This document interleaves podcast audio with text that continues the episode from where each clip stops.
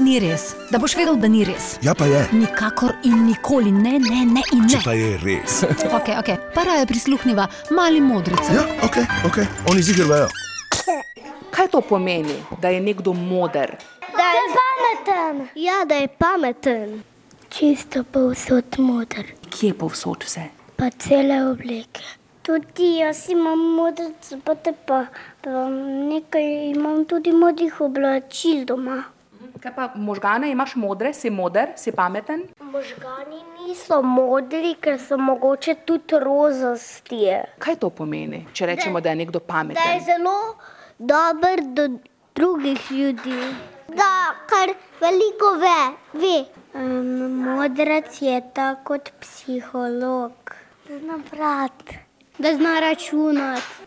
Da tisti, ki je pameten, tudi je prijazen do drugih in se dobro obnaša in ne tepe otrok. Zdaj pa mi povejte, a se pameten, Možgane. da ima dobre možgane. Mhm. Zdaj pa mi povejte, a se pameten rodiš ali pameten postaneš? Kaj bi rekli? Postaneš. Na kak način pa postaneš pameten, moder, pameten? Vem. Tako da se od drugih naučiš. Jaz pa sem se kar samo od sebe naučil, ker moja glava veliko va- ve. Tvoja glava je torej modra, tako kot tvoja majčka. Mhm. Zdaj pa mi povejte, ali so bolj pametni, bolj modri otroci ali odrasli? Odrasli. Tudi jaz sem moder otrok. Kdo vam otrokom pomaga, da rastete in postajate pametni, pametnejši? Hrana, Spanje. pa sadje, pa še vojo.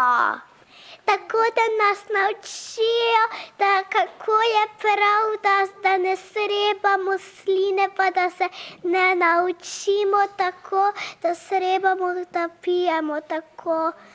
Eni odrastejo pametni, eni pa ne. In je še nekaj bi rada povedala. Eni Polovičko znajo odrasli, drugo pa malo ne vejo. No, vidiš, sem ti rekla. Ja, res je. Če kdo ve, vejo oni. Mali modreci!